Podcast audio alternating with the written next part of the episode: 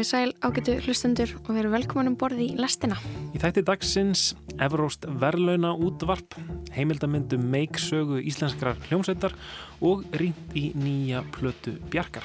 Sko ef þetta er ekki 100% satt í mómentinu þá eru við allavega að segja ykkur eitthvað sannleika.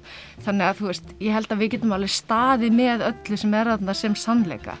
En þetta er við líka performance listamenn, þú veist þannig að sumt er algjörlega svolítið sviðsett. Da richtet sich mein Vater ein bisschen auf. Ich habe mir eigentlich auch vorgenommen, ich, ich möchte mich ganz offiziell entschuldigen. En það verður samt að segjast eins og er að nýjasta platan hennar, Fossóra, er reynd útsagt drep leiðinleg. Ég heiti Kristján Guðjónsson. Og ég heiti Lóabjörg Björnstóttir og þú ert að lusta á lestina mánudaginn 31. oktober.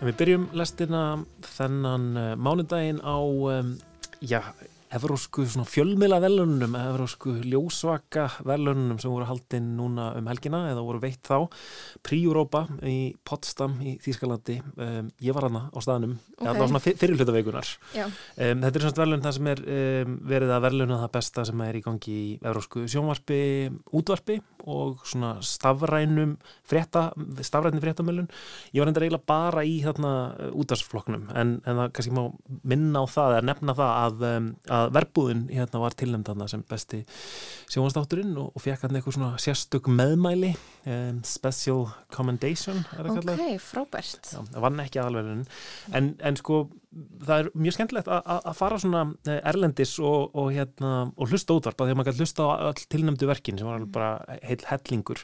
Um, og útvarp er eiginlega þannig að maður hlusta nú eiginlegt bara á útvarp sem er á sína einn máli eða málum sem maður skilur. Þannig að maður er eitthvað einn svona aðeins minna í tengslum við það sem er að gerast í útast heiminum heldur til dæmis bara í sjónvarpi eða, eða, eða bíómyndum. Og þess að er þetta að fá þetta textað. Já, í rauninni. En maður er svolítið fastur inn í kannski bresku og bandarísku og íslensku útvarpi. Já, og ef maður skilur skandinavísk máli eða eitthvað þannig, en, Já, en flestir eru líklega bara einmitt í íslensku útvarpi og svo, svo ennskumælandi. En hérna þannig að það er mjög gaman að koma svona háttíð, eh, hitta fólk sem er að gera, gera það saman með sjálfur og hlusta og maður hlusta sem þannig að það er bara allir saman í sal, eh, bæði hérna domnemnd og, og áhöröndur og um, það er bara hlustað en á skjánum er sem sagt uh, texti mm. þannig að þetta er svona eins og sérst að horfa á bíómynd uh, með engri mynd það er bara hljóð og texti mm -hmm.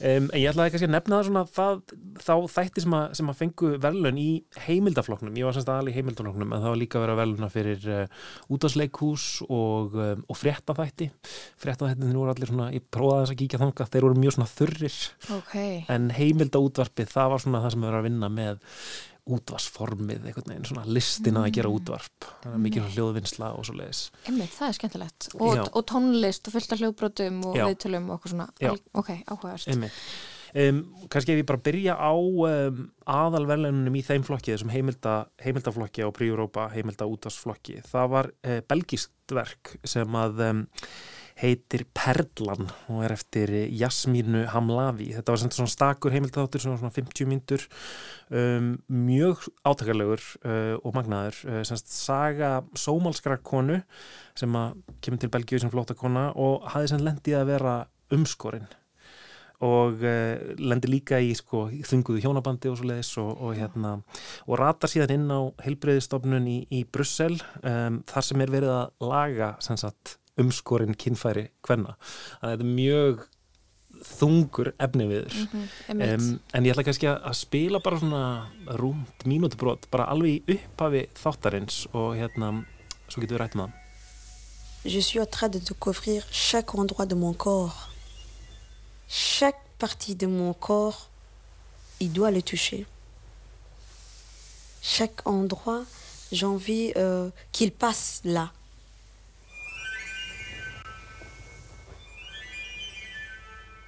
la première fois que j'ai eu mon premier orgasme, c'était euh, incontrôlable.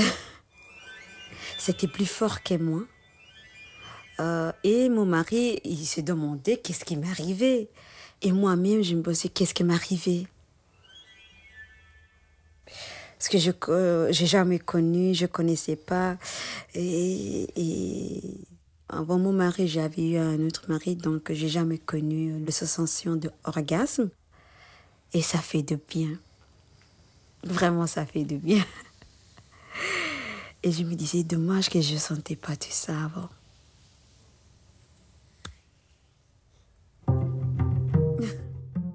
Já, þannig að heyrðu þau upphafið á verðluna þættinum Perlan, eh, Perl um, frá Belgíu sem fjallaði um uh, já, þetta er sagakonu frá Sómalíu sem, a, sem að lendir í því að vera uh, umskorinn uh, kynfæri hennar umskorinn en svo fer hún og, og sagt, í Belgíu og það er reynd að, að, að endur móta kynfærin. Þannig að hún er svona, alveg merkilegt að þetta er svo ógeðslega átakanlegt viðfóngsefni mm -hmm en þau byrja þáttinn á einhverjum svolítið svona upplýfgandi stað mm -hmm. þar sem að hún er einhvern veginn að, að kynnast sjálfrið sér upp á nýtt og fær fullnægingu fyrstskipti Já, er það svona eftir þessa aðgerð? Já, einmitt.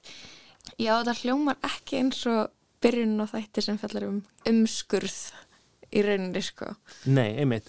Og þa það er kannski það sem er svolítið vel gert við þennan þátt er að mm þetta er svo rosalega þungt efni en, en það er samt einhvern veginn líka einhver svona von í mm -hmm. um, Held, sögunni. Heldur hann áfram einhvern veginn á þessum nótum þátturinn? Hann reyndar fer mjög djúft í, í hérna, átakanlega sögu en, hérna, en, en endar svo á frekar upplýkandi stað En já, allavega, þetta var, hérna, var verðluna þátturinn, uh, Perl frá Belgíu, um, sá þáttur sem lendi í öðru sæti, fyrir svona sérstök meðmæli eins og hérna verðbúðin, uh, var írskur heimildatháttur um, sem heitir um, I'll Send You Butterflies, ég sendi þér fyririldi og það er sagt, það er líka mjög átanganleg saga. Það er það útvarskona sem að uh, í rauninni tekur upp og segir sögumömmusinnar eða fylgir henni í rauninni svona í dauðastríðinu sínu. Um, hún semst greinist með um, MND taugarhörnunarsjúkdómin uh, þannig bara í byrjun 2020 og svo skellur COVID á og hérna einhverjum tíu mánuðum setna þá, þá er hún dáin, það gengur svo rosalega hratt þessi sjúkdómur. Og hún semst fylgir, fylgist með því öllu með upptökutæki um, sér við hlið Skulum heyra bara uh, stuttbrótur því We know that she's in her final hours now. I mean, it might be another day or so. Cover you up a bit, okay? Keep you warm. Oh, I don't like that at all. I finally managed to doze off beside Mum, and I sleep until my father wakes me. It's um seven twenty nine. You check, will you? There's a tiny pulse. Where? I don't know, but she's so warm. And then we realise. She's gone. Okay, she's resting. She's resting, that's fine. She's, she's gone. She's so warm. She would be. her tummy. She would be warm for a while. She must, must I know, I know, I know, I know. Já, það er einhvern veginn afar sjálfgeft að fá að vera viðstatur eitthvað svona augnablík fráfall.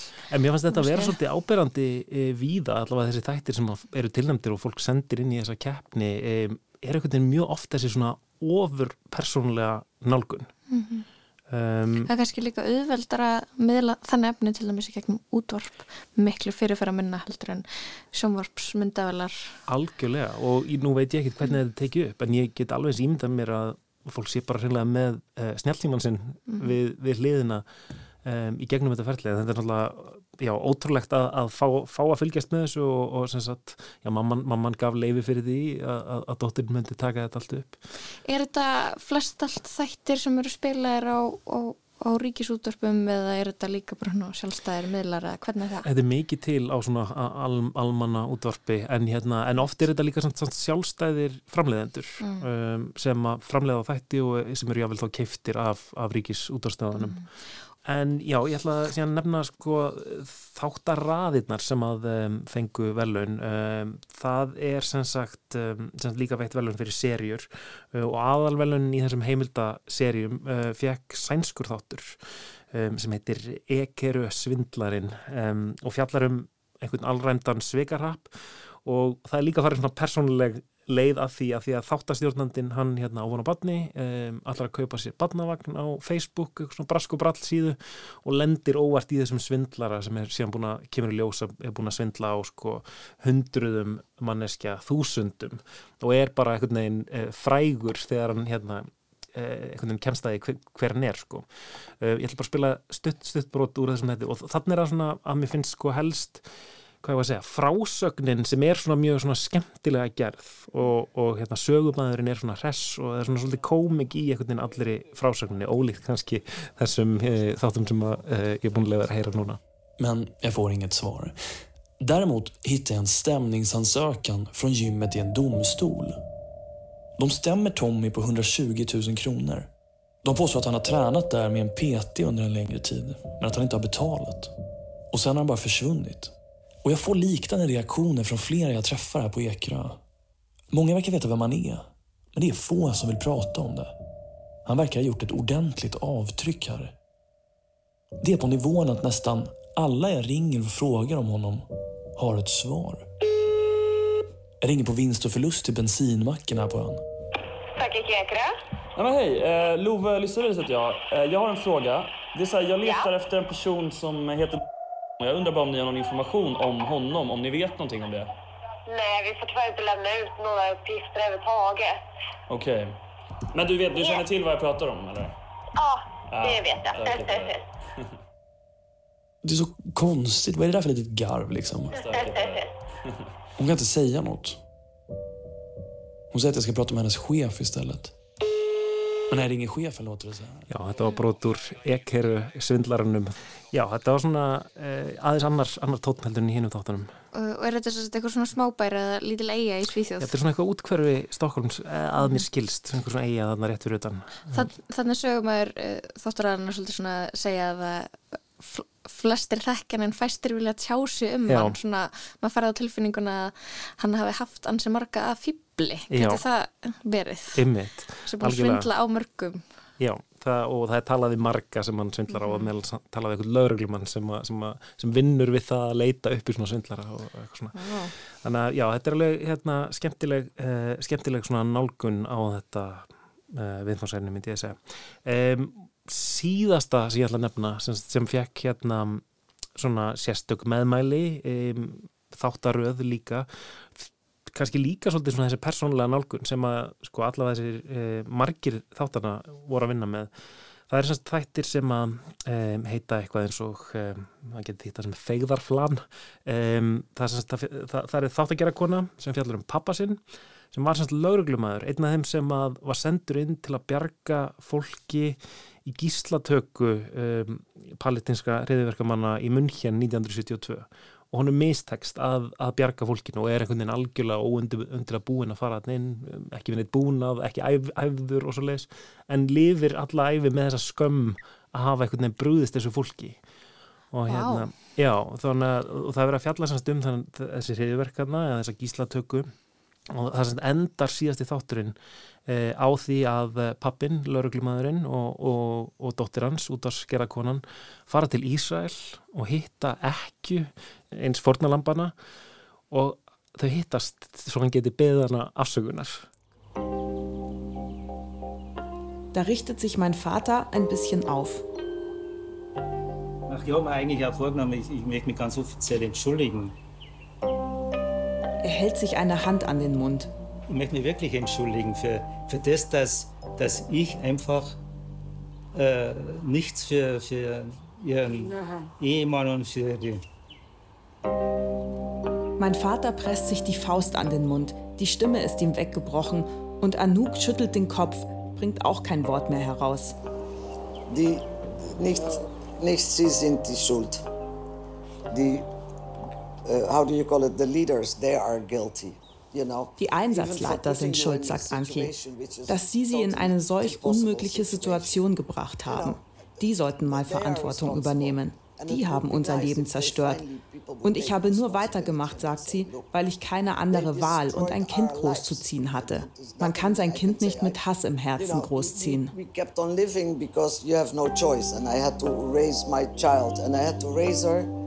without hate in my heart because you cannot raise a child with hate in your heart.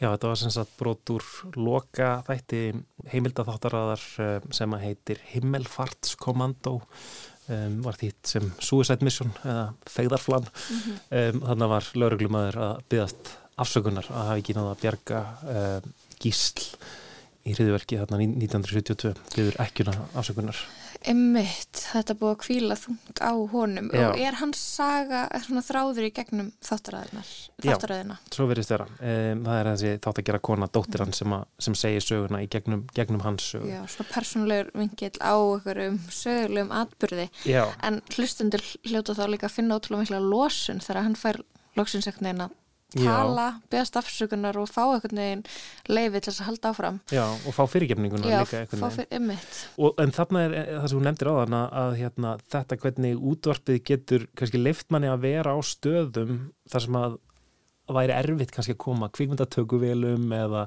um, þetta gefur manni einhvern veginn insýn í þetta augnablík þegar hann er að byggja þessa konu afsökunar sem er eiginlega magnað að fá að vera þarna uh, fluga vekk einhvern veginn. Mm -hmm. Einmitt. En já, þetta sem sagt voru uh, verðluna þættirnir í heimilda þáttafloknum á Príurópa, uh, Evrósku ljósvaka verðlunum sem fóru fram í Þýskalandi núna um helgin á í síðustu viku. Var eitthvað aðna sem við heyrðum ekki sem að þú varst sérstaklega hrifin af sem hleit samt ekki viðkenningu eða eitthvað svona sem uh, vittir inblástur? Mikið inblæstri út um allt einhvern veginn. Um, Þannig að, já, það var hann mikið, mikið að góðum þáttum og líka alveg eitthvað ekki góðum þáttum. Það er líka alveg gaman að heyra það svona til samanbyrðar. Já, finnum maður kannski hvað maður, hvað maður verður frekar til að heyra. Já, og það er rosa mikið líka svona, maður heyrir mismundi e, svona, hvað ég var að segja, tísku frá mismundi löndum. Þetta er svona kannski svolítið eins og Eurovision. Maður heyrir, heyrir hvað er frá Skandinavíu, hvað er frá Östur-Európu, hvað er frá Suður-Európu. Það er svona mismundi fagfræð, mismundi nálgun. Mm.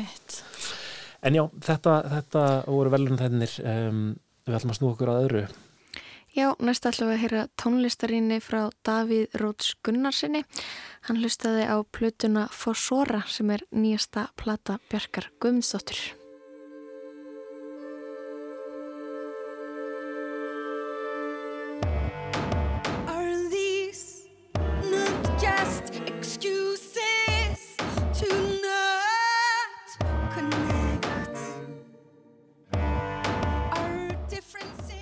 Á dögunum komu tíundar hljóðursplata Bjarkar, Fossóra.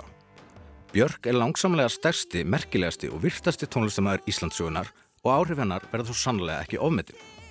Það væri engin FKI Tvigs, Mammut, Samaris eða Fíverei ef ekki væri fyrir Björk. En það verður samt að segjast eins og er að nýjasta platinannar, Fossóra, er reynd útsagt drep leiðinleg. Eins og reyndar að mínumatti flest úr hennar ranni undanferðin hálfan annan ára tög og ég segi þetta af ást því ég elska Björk.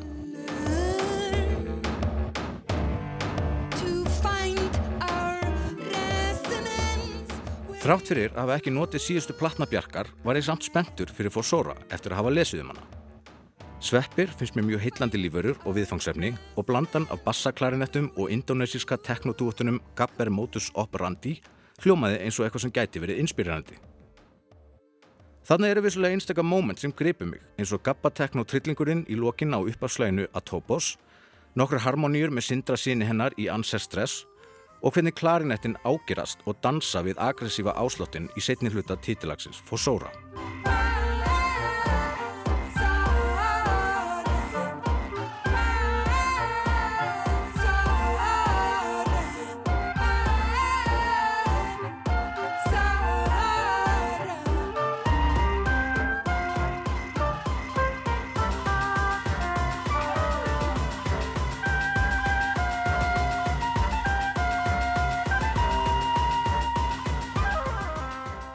En augnablikin eru fá og allt of langt á millið þeirra og heilt yfir fannst mér þetta stefnulöst og ómarkvist ferlíki sem ég þurfti hálfvegis að þræla mér í gegnum í nokkrum atrennum við hverja hlustun. Björk verðist líka hafa settlað í svona þægilegan arti en jafnframt fyrirsjánlegan hljóm fyrir hverja plötu núorðið. Stúlknarsveit á skrítið klassísk hljóðfari og samstarfi unga og edgi ráftónlistamenn eins og Arka eða Gabber Motus Operandi og Side Project. Bassaklarinettin á Fossóra finnst mér hljóma meira eins og gimmick en farsæl heildarhljómur. og gefin eða eitthvað tilgerðalegt Pétur og Úlfurinn væp sem er æði þreytandi til lengdar.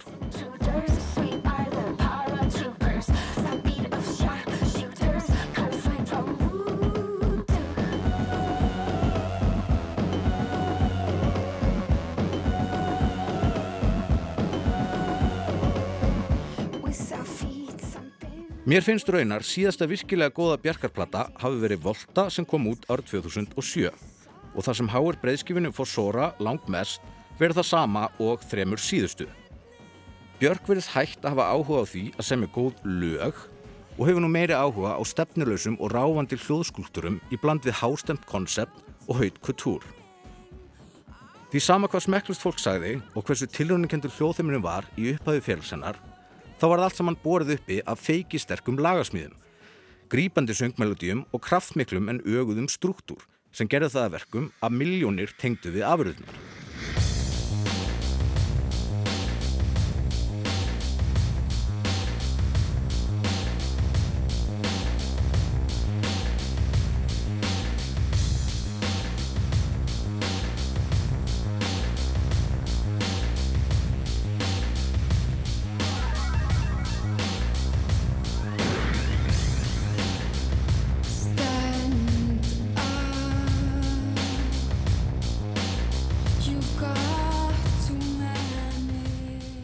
Hvernig hún blandaði saman áhrifum úr ólíkum áttum, há og lámenningu, klassík og pöngi, jazzi og tilránaraftónlist, exotískum rytmum frá öllum heimsornum og lagði ofan á sína gigantísku og beljandi rödd til að byggja pop sem var ólíkt öllu öðru sem hafði sérst og heyrst áður. Þegar Björk var að hefja sólófælisinn skildu forbúkaðar Íslandikar ekki snildina og oft heyrði maður frá miðaldra frændfólki í fermingavislum eitthvað eins og Jújú, jú, það kýtla nú þjóðastoltið hvað hún er að gera það gott í útlöndum, en mér finnst þetta bara að vera eitthvað bölva tjútjú-guggi-guggar kjá henni. Þau höfðu hins vegar algjörlega rangt fyrir sér, því þótt hljóðheimurinn væri vissulega nýmóðins og framústefnilegur, voru lagasmíðarnar á heimsólumælikvarða og söngmeladýðnar grípandi heilalím, eins og heyrist glögt í turboteknoballiðinu Hyper Ballad af Post, sem var nývari valið annað bestalag tíunda áratúrins af indie-stofnuninu Pitchfork og er mjög vel að þeim hefri komið.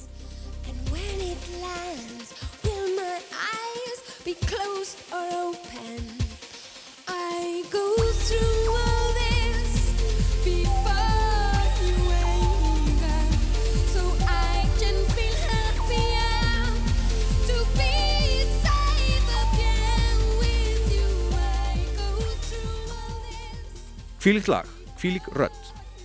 Björk er auðvitað stórkoslegt náttúruafl, allt of hrátt, óheflað og kraftmikið til að smáborgarlegt eiland eins og Ísland geti hamið það. Hún átti erindi til alls heimsins og sótti það fast. Byrjaði sem barnasérna, tók unglinga uppreysn í pönginu, var partur af anorku pöngkreifingu Krass með kuklinu á ofanverðum táningsárum og sigraði indíheimin með tilröna popsveitinu Sigumólnum rétturumlega tvítug. Flytur svo til Breitlands og stingur sér til sunds í þeirri gríðalegri ráftónlistargeggjun sem var að gerjast í upphafi tíunda áratjóðarins og finnur sér stað. Og upphafið að því sem átti eftir að koma mátti heyra í samstarfi hennar við sveitina 808 State, læginu Oops árið 1991, þar sem Björk heldist yfir Breitland.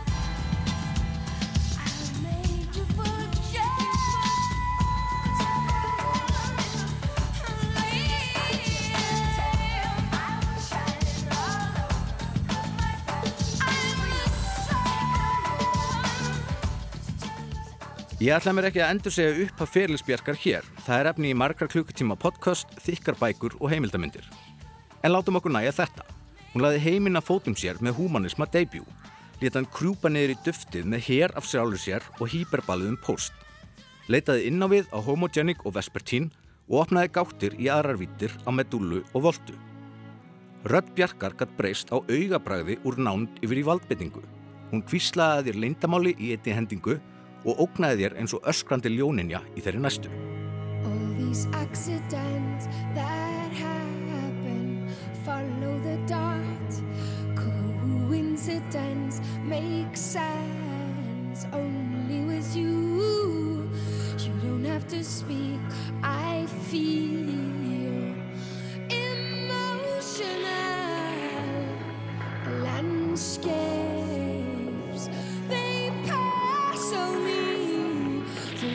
get solved, and you push me up to this state of emergency. How beautiful to be state of Einn helsti styrkur Bjarkar, tónlistilega, hefur alltaf verið einhvers konar kjúreitor eða síningarstjóra hæfileiki og ég hef oft líkt henni við David Bowie og Kanye West að því leiti. Hún hefur ótrúlegt nefn fyrir því að þefa uppi ungt og ferst hæfileika fólk til samstagsvið sig og ná því besta út úr því í þáu sínar eiginlistanu sínar. Og ég meina þetta á allra besta mögulega hátt. Gestalistin á plötum hennar er enda algjör elita eðalmálma Nelly Hooper, Matmos, Matthew Herbert, Russell, Brodsky kvartetin, Sjón, Arka, Mark Bell og Timbaland eru drópar í úthaf af hennar ótrúlega hæfileikaríka samstagsfólki og þá eru óöptaldir endalusir remixera.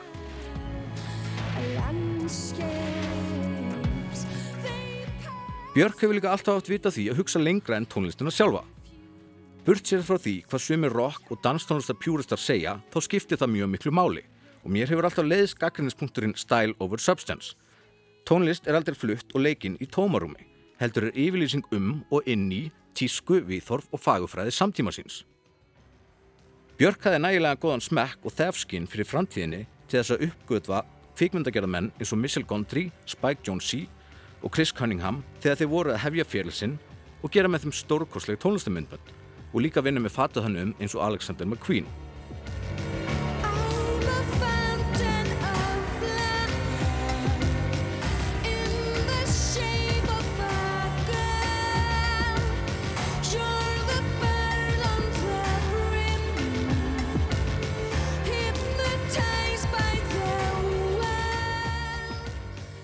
Að því sögðu finnst mér undanfarið sem umgerðin hjá Björk hafi borðið innihaldið ofurliði og tónlistinn orðin eins og bakþangi og alls ekki standa undir þessum þykka thematíska glamúr sem umlíkur hana.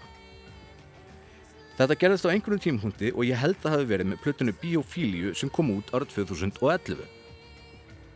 Það var plata sem var gefin út með mikillir flugöldarsýningu um nýmóðins náttúrufræðikennslu og spjaltölvum á vegum Bjarkar og Davids Attenborough þar sem grunnskólabörn áttu að fá alheiminn beint í æð.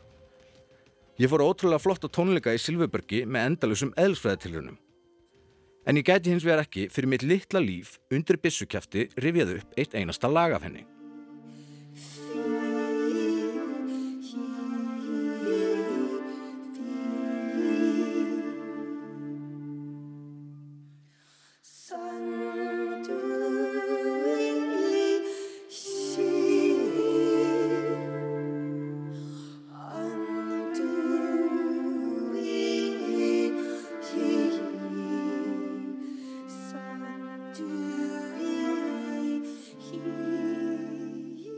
Vúlunikúru var hrósaði hástert sem hel dramatíski skilnaðarplötu en ég heyrði bara sjö mínúndar strengjasúpur með engum fókus, struktúr eða melodísku akkeri. Utopia var svo alveg ævintýrlega leiðinleg plata. Ég menna come on, flautukór og fugglarljóð. Þarna fannst mér sem Björk var honum skrýpamind eða karikatúr af sjálfur sér. Í setni tíð finnst mér Björk hafa breyst í það sem frændfólk mitt sagði um hana þegar hún var upp á sitt besta. Lagasmíðarnar og flottu viðlaugin eru fókin út í veður og vind og sönglínurnar eru eins og slompaður drikkjurútur ráfandi stefnulegst í áttina að engu.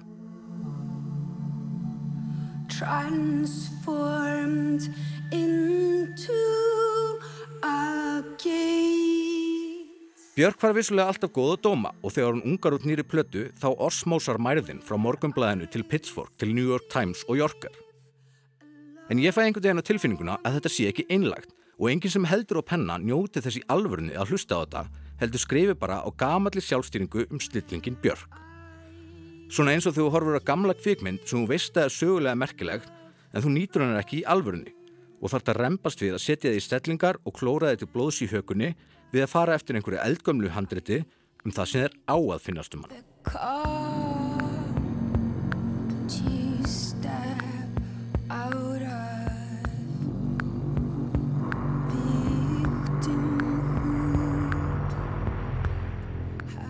Ég þekki og kannast við mjög marga tónlistakrúskara en ég man varlega eftir hvernig einhver saði síðast við mig Ú, ertu búin að hlusta nýju bjarkarplutuna? Eða setti bjarkarlega á fónin til að spila fyrir mig. Áður fyrr fannst mér líka eins og Björk verið sparari á það að koma fram í fjölmjölum en við útgáfa fór Sora og Utopíu hefur allt verið vekkfóðrað í viðtölum og nú hefur verið gert margra klukkutíma hlaðvarp um allra plötur Bjarkar og ég fæði á tilfinninguna að það tengist minkandi plötusölu og lítill Spotify-laustun því að það finnist nánast engum þetta skemmtilegt í raun og veru.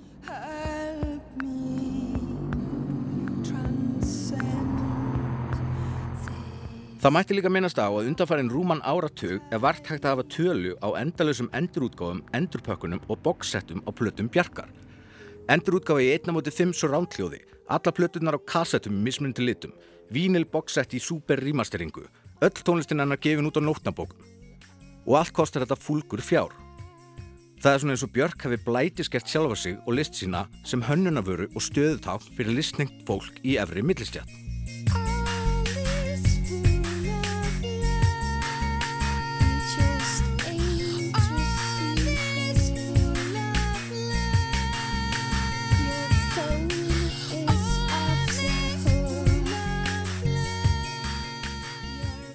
Kanski er ég bara svona illa gefin að sjá ekki snildina. Og Björk má auðvitað sogast dýbra og dýbra ofin í spíral af óáheyrilegri tilraunumennsku ef hún er hún algjörlega frákverð poptonlist. Hún hefur svo sem gefið okkur alveg nógu mikið. Og ég minn ennþá býða spendur í hver skipti sem Björk gefur út plötu.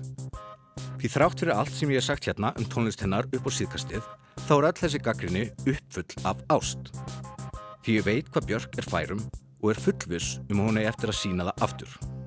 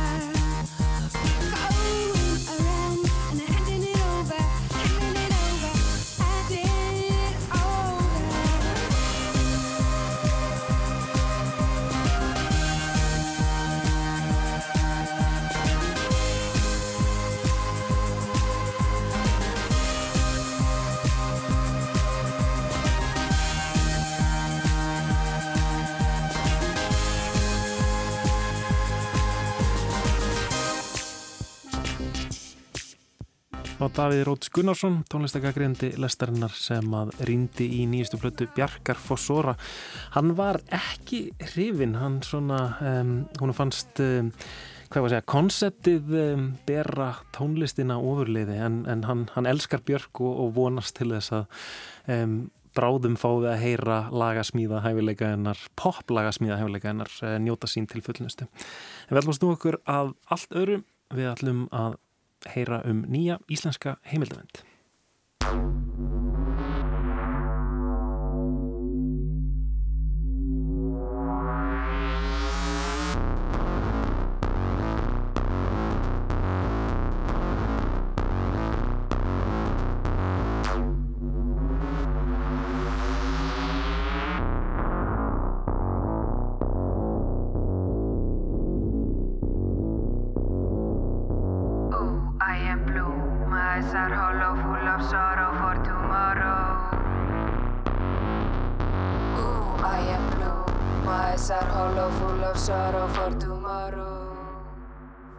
4. nóvumber verður myndin Band frumsynd hérna á Íslandi. Hún var fyrst frumsynd í Toronto í mæ á Hot Dogs og svo hefur hún verið sínd á fleiri kvikmyndaháttíðum um heiminn og hjá mér sitja tvær meðlima hljómsveitarinnar Post Performance Blues Band sem kvikmyndin fjallar um. Það er Saga Sigurðardóttir og Álrún Helga Örnálsdóttir leikstjóri. Myndarinnar eru komnar hingað til mín í lastina. Verið velkomnar. Takk. Um, þessi mynd, hún segir sögu þessara hljómsveitar sem þeir eru í um, Post Performance Blues Band. Geti sagt mér aðeins frá þessari hljómsveit. Hvernig verður hún til? Hvar fæðist þessi hugmynd? Einmitt, sko hún verður til eiginlega áður en hún varð hugmynd, þessi hljómsveit. Um, þetta byrjaði eh, þegar við vorum, sem sagt við bandsýsturnar vorum samferðað í gegnum uh, mastersnám í Sviðslistum í Listafaskóli Íslands og þetta, já, var í rauninni mjög svona spontant um, pæling, kom upp í tengslu við síningu í gerðarsafni um, og var listaminn þar að vinna með okkur í náminu og byggði okkur að vera með svona einhvers konar ingripp í þeirra hérna, verk að innsetningu í, á síningunni og já, sko ég er að segja þetta en ég var ekki eins og á staðnum, ég var sko erlendis Býttu, varst þú Já. í fyrsta gjörningi? Jú, ég kem sko Já. bara bara kvöldi áður en þetta hérna, átt að vera og mér var bara kift inn í þetta, ég man ég mætti og þið voru bara komna með þessa pælingu og bara heyrði við verðum band hérna á morgun og bara erst ekki með og, jú. Við vorum samt búin að vera að grínast með þessu hugmynd um að stopna hljómsveit sem myndi díla við sko blúsin sem fylgir eftir svona mjög spennuð þrungin atburð. Að the post-performance blues, þú veist, þegar maður er að koma niður úr, veist, af síningu eða einhverju þar sem að adrenalinni fær að flæða. Er hvað verið gaman að fjalla um þá tilfinningu og bara finna hvort það væri einhver fegur og einhver kraftur í þessum blúsi. Þannig að við vorum búin að spjalla svolítið mikið um bara ef við værum hljómsveit, veist, þá, þá myndi hún heita þetta. Svo fengum við þetta tækifæri og bara, hún var til á einu kvöldi. Bara við í rauninni spunnum öll lögin og Guðrún Heiður sem var með okkur í hljómsveitinni þá var úslega góður taktsmiður þannig að hún einhvern veginn kom með einhverja grunna og Hrefna Lind sem að er ekki hér að því að hún er heima með þryggja vikna bann en hún er náttúrulega brjálæðislu tekstasmiður og svo er við sagar svona bara mjög góðar í spuna myndi ég segja og hérna og getum ímislegt bæði líkamlega og bara sönglega þannig að það var bara til ykkur galdur Ooh, I am blue. My eyes are hollow, full of sorrow for tomorrow.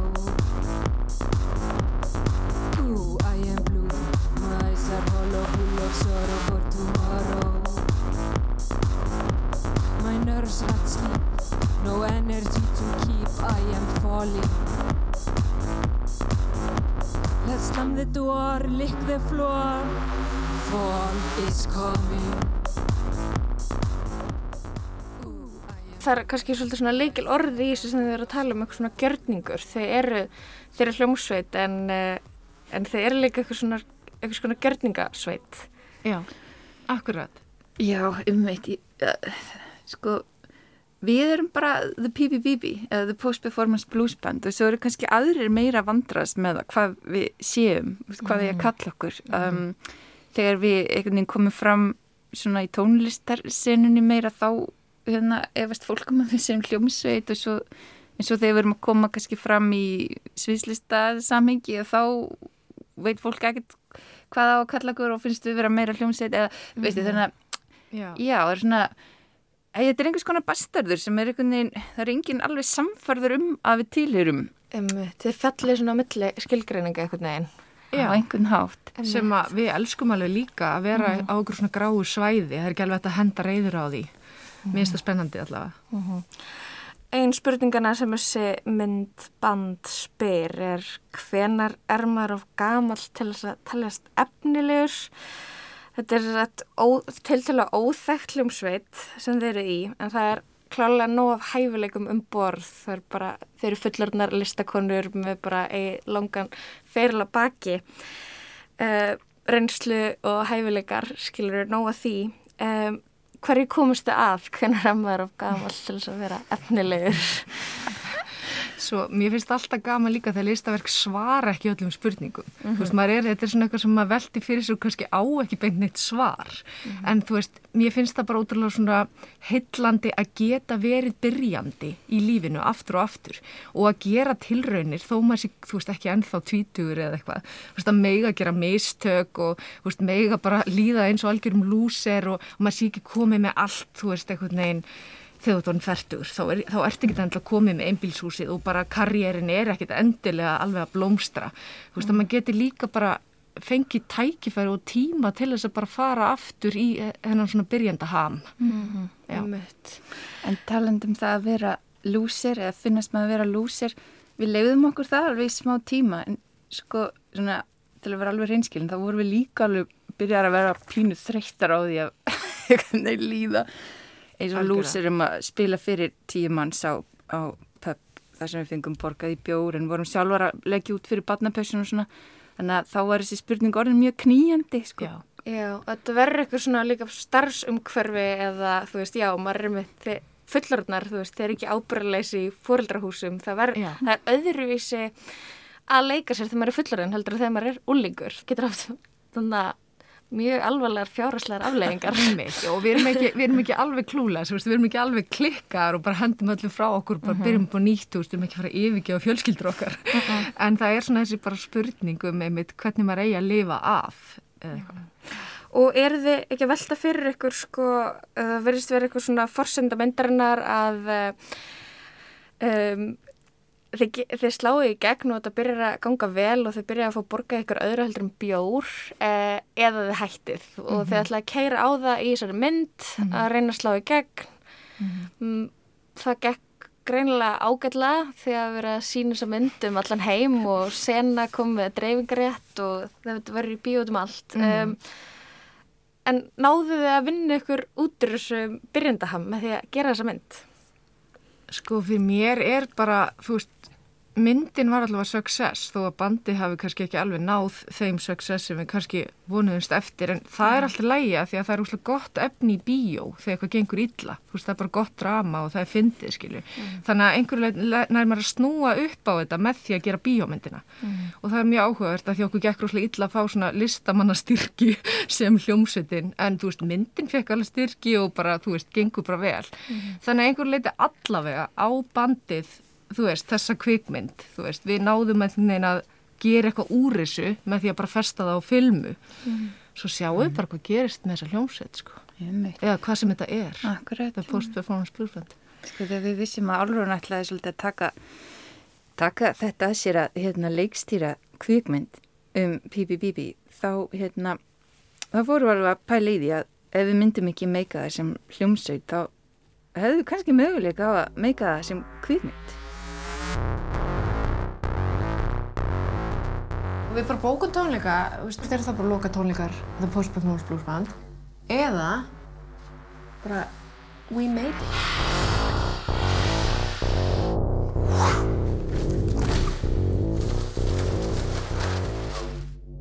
Mættu við ekki vera á sviðinu? Þetta er eitthvað svona ljósamæður að þú veist, revílið, þú veist, þegar við stígum að megi þú veist, þess vegna komum við með þessa pælingu bara að væri svona rými hér.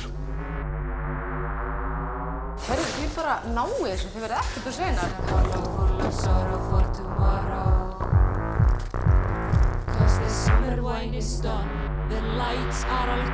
Mér finnst eiginlega bara svona ógeðslega stert að hafa eitt kallmenn. Ég held að við varum búin að lenda á því að að það væri ekki, sko. Þetta er ekkert mál. Mm. Minna þið, þú veist, þið voruð kvennaband og þú veist, ég er bara eitthvað, eitthvað að prófa þetta.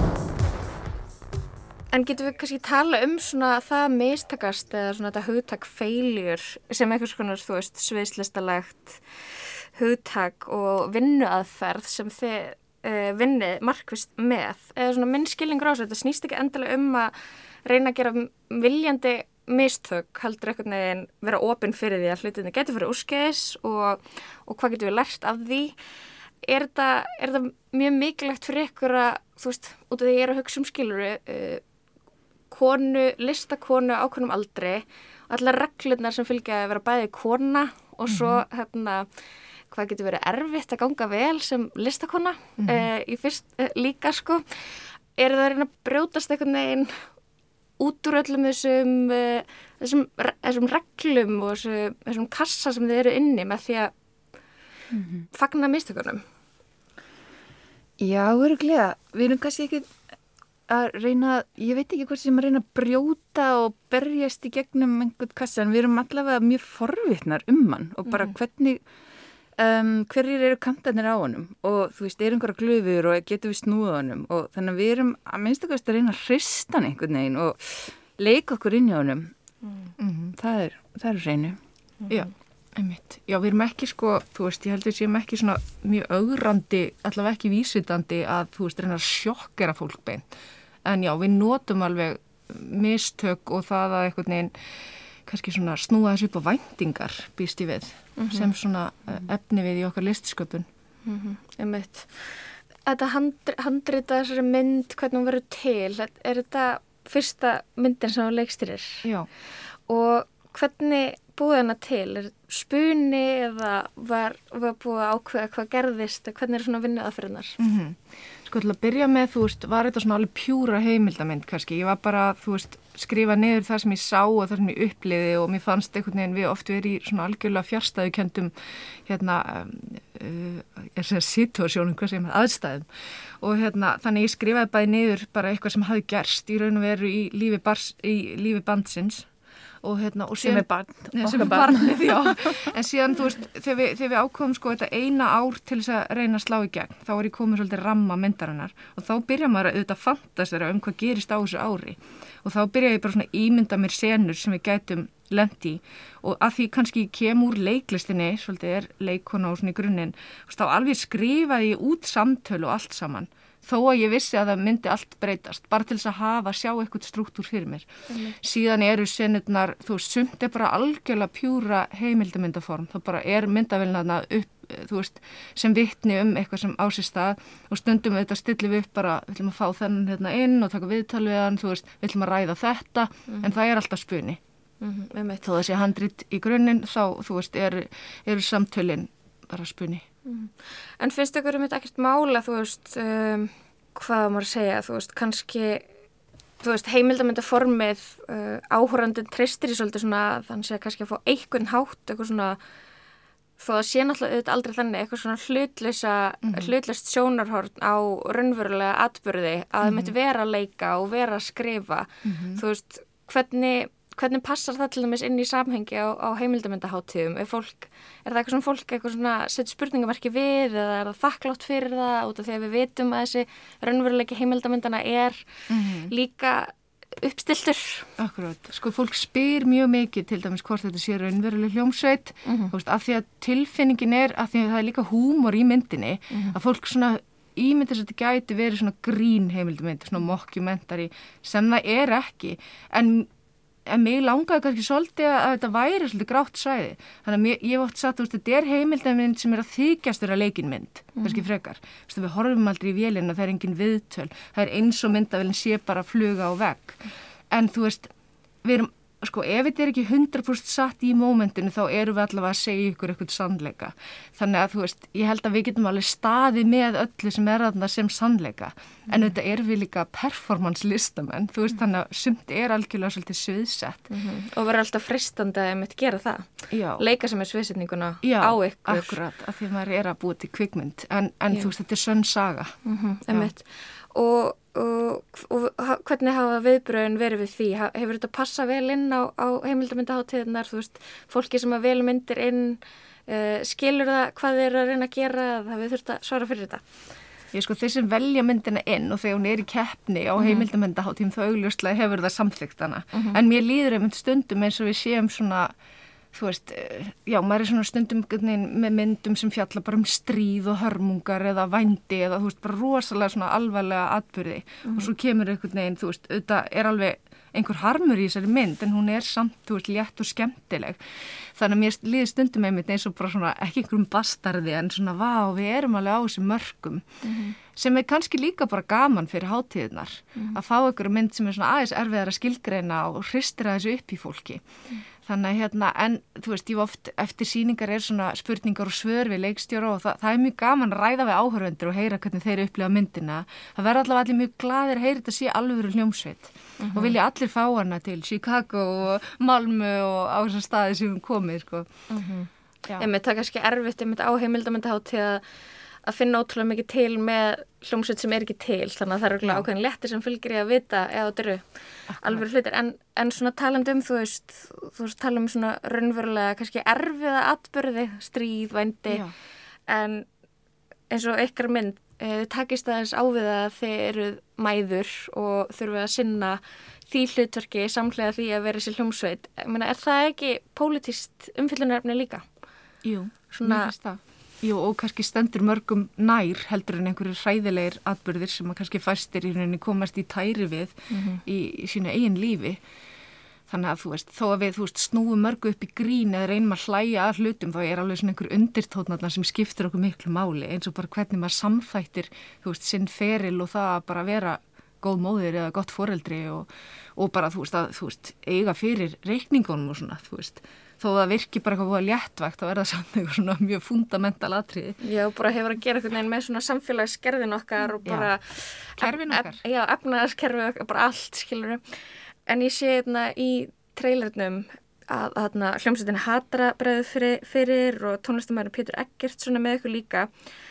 Uh, og það er svona eins og þú veist, þegar hafi kannski stilt eitthvað svolítið svona upp á móti þeim, upp á móti eða svona karlmönnum til að sjá svona þess að sína, þú veist, þessu ólíku uh, ólíku viðbrögð við kannski tilrunarkendri, feminískri sviðslist og tónlist og svo einhverju sem að, einhverju aðeins karlægara. Þú veist, er það óhjákvæmilegt að vera alltaf í samanbyrði við það sem karlkins listamenn er að gera, svona í svipari sinu og þið tilherið? Já, ég held þessi óhjákvæmilegt. Það er það. Um, og við, sko, kannski erum ekki endilega að stilla okkur upp á móti, móti þessum flottu strákum, sko, en bara svona, ymmit, um, vildum gertnan fá, fá þeirra svona, hvað ég að segja, ég fá, fá þá bara með inn í hérna mengið sem að, þú veist, myndin er um, ymmit upp á samanbörðin og bara, þú veist, að sína uh, kannski ólík svona hlutskipti eða bara ólíkur, uh, við erum á ólíkum stað ymmit í samfélagsgerðinni eins og þú nefndir. Um, þannig að bara það strax veginn skapar bara svona áhugaverða spennu, sko. Já, og það verða alveg til vandamál þegar maður fer að velta þessu fyrir sér, af því við erum heldur ekkit á móti þeim, veist, og það er líka svona flókið, þú veist, þegar maður einhvern veginn upplifir kannski að, að það sé bara mikilvægt fyrir okkur að vera kvennaband, en hérna, en þá, þá hugsa maður líka með að þá ekki allir vera með eða, þú veist, og allt þetta. Mhm. Já, mitt, það er kannski ekki það að maður sé á móti því en maður verður kannski til í að fá eitthvað af velgengnir eða eitthvað, skilur, eitthvað sama, sama pepp og, og þeir fá. Akkurat. Það styttist í frumsýningu hérna á Íslandi. Hva, hvað verður gert? Hvað er ætlaði að vera? Við ætlum að vera bara ógeðslega fínar í bíó á hátíðarforsýningunni þar sem við sínum allavega fjölskyld og vinum þetta er svona í fyrsta sen aður við opnum alveg dittnar bara og, og hleypum öllum í háskólabíó og smárabíó og bíópartís og vonandi bara út um all land sko. Þannig að ég er bara ótrúlega spennt að sjá hvernig fólk tekur þessu. Til hamingu með myndina Band, sagða Sigurðardóttir og Álrún Helga Ernálsdóttir. Takk hella fyrir komuna í lestina. Takk fyrir okkur.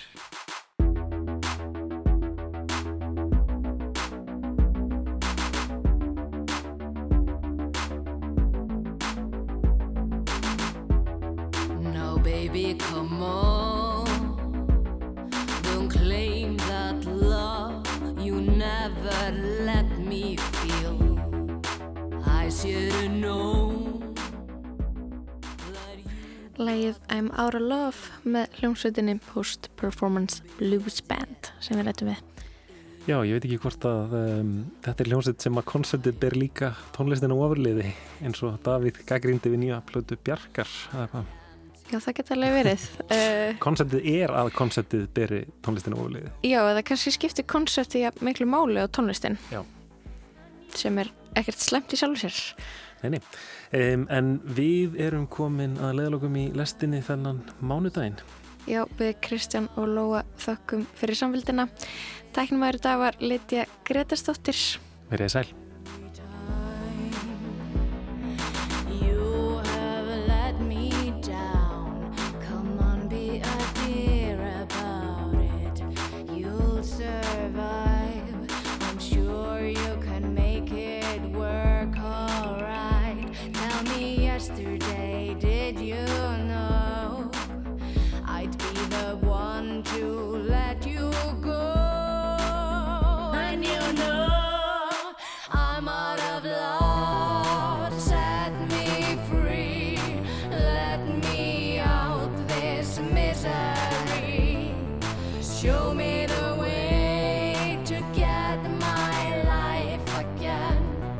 Cause you can't handle